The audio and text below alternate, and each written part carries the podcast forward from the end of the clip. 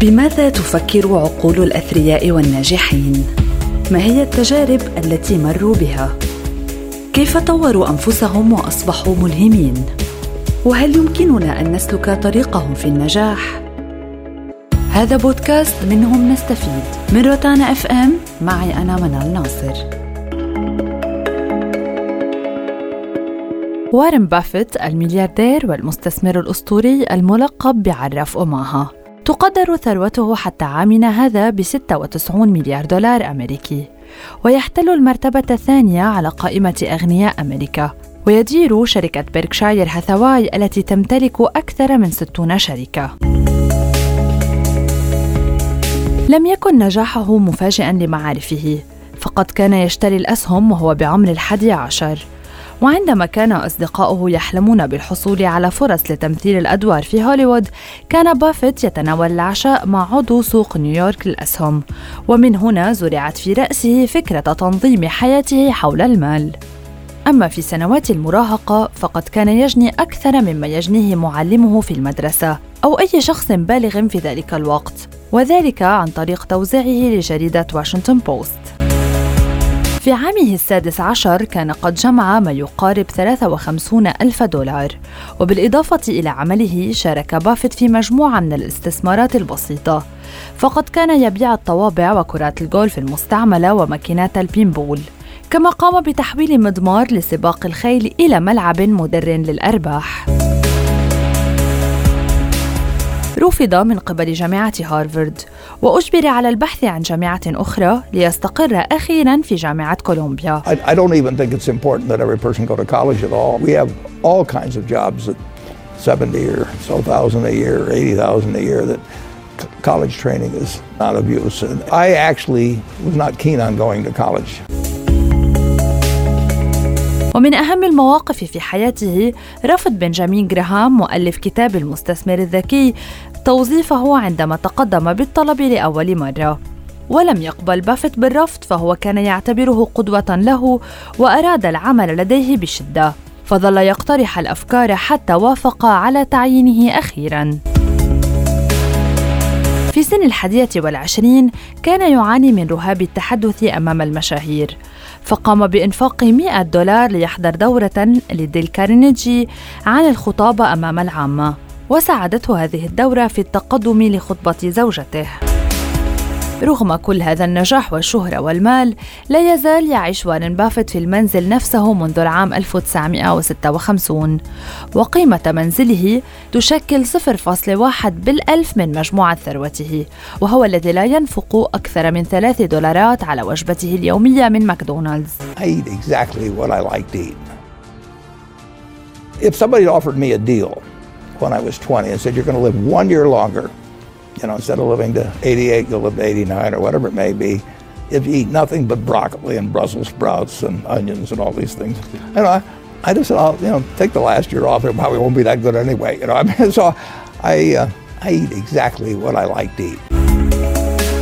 ولا يمتلك جهاز حاسوب في مكتبه ويستخدم الجوالات القديمة وقد أرسل بريدا إلكترونيا واحدا خلال حياته كلها ويقضي 80% من وقته في القراءة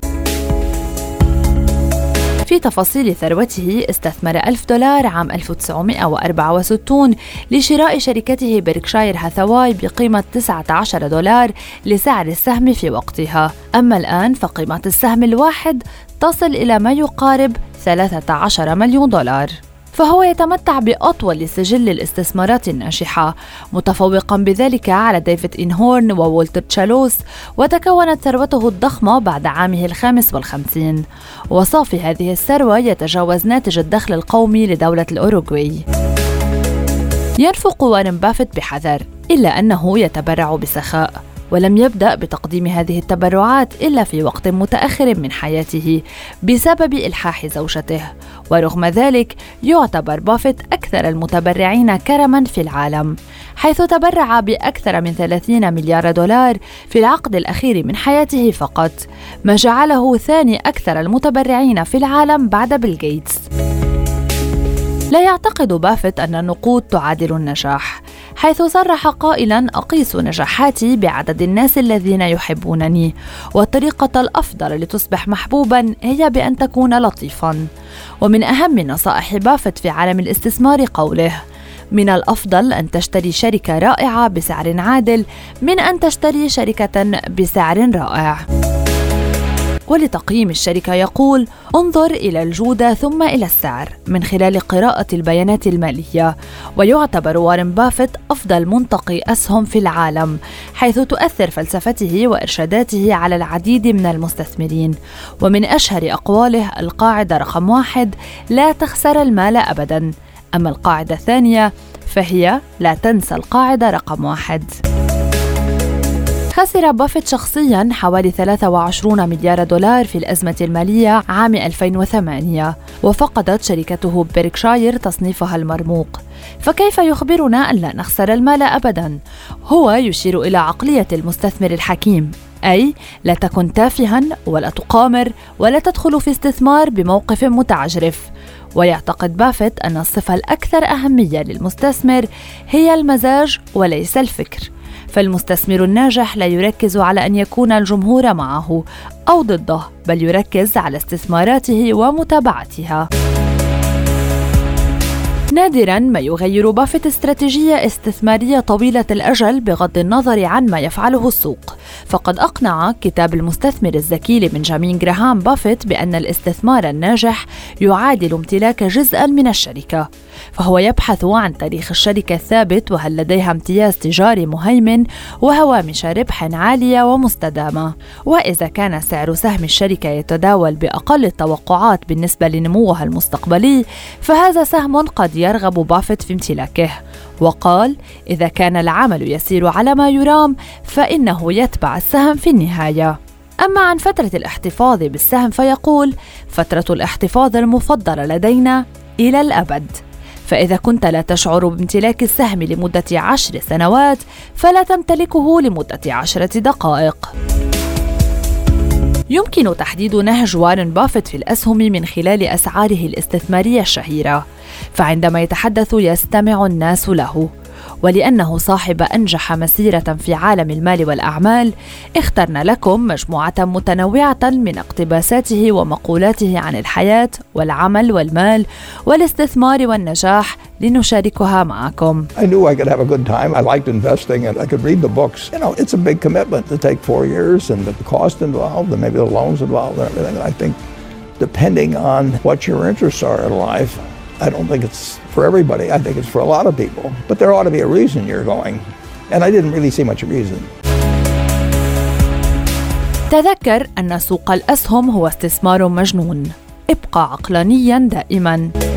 يمكن للسوق تسعير الأشياء الخاطئة. السعر هو ما تدفعه، أما القيمة فهي ما تحصل عليه. وبعبارة أخرى لا تركز على تقلبات الأسعار على المدى القصير بل ركز على القيمة الأساسية لاستثمارك. احذر النشاط الاستثماري الذي يولد التصفيق. تأتي المخاطر من عدم معرفة ما تفعله. لا تستثمر أبدا في عمل لا يمكنك فهمه. من الأسهل أن ننظر إلى الوراء بدلا من التطلع إلى المستقبل، ففي عالم الأعمال تكون مرآة الرؤية الخلفية دائما أكثر وضوحا من الزجاج الأمامي. استثمر فقط في الشركات الرائعة وفي الشركات التي تتطابق مع قيمك. قم بتوقعاتك الخاصة واشتري الأسهم بالطريقة التي تشتري فيها المنزل، افهمها، أحبها بحيث تكون راضي عن امتلاكها في غياب أي سوق. المستثمرون الكبار لا ينوعون فالتنويع الواسع مطلوب فقط عندما لا يفهم المستثمر ماذا يفعل. They think that because you can trade, you should trade. You buy a farm, you buy an apartment house, you can't resell it tomorrow. Now you get something handed to you, liquidity, you know, which is instant. You can sell, and the the cost of doing it are pennies, you know, compared to other kinds of investment activity. So because they can so easily move around, they do move around, and moving around is not smarter than investing. تأتي الفرص بشكل غير منتظم. عندما تمطر ذهب أخرج الدلو للكشتبان تعرف على الأشخاص المناسبين فمن الأفضل التسكع مع من هم أفضل منك. واختر الزملاء الذين يكون سلوكهم أفضل من سلوكك وسوف تنجرف في هذا الاتجاه. أما عن صورتك العامة وسمعتك يؤكد أنه يستغرق بناء سمعة طيبة عشرون عاما وخمس دقائق لتدميرها By far the best investment you can make is in yourself.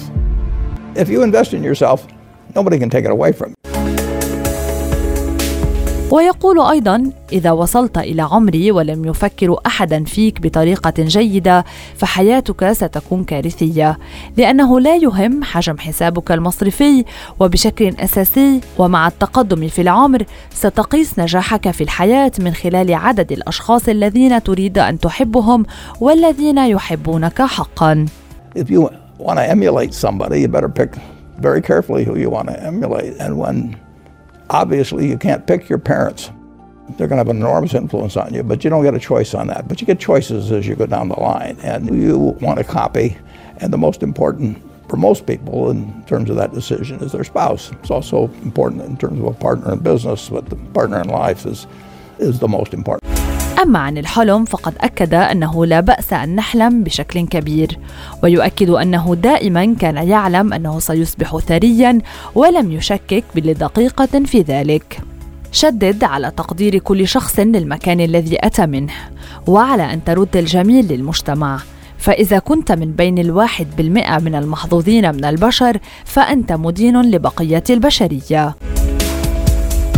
من أبرز ما أكد عليه وارن بافيت أنه من الأفضل عادة أن تقول لا فالفرق بين الأشخاص الناجحين والناجحين حقا هو أن الناجحين حقا يقولون لا لكل شيء تقريبا You can't start taking care of it when you're 50.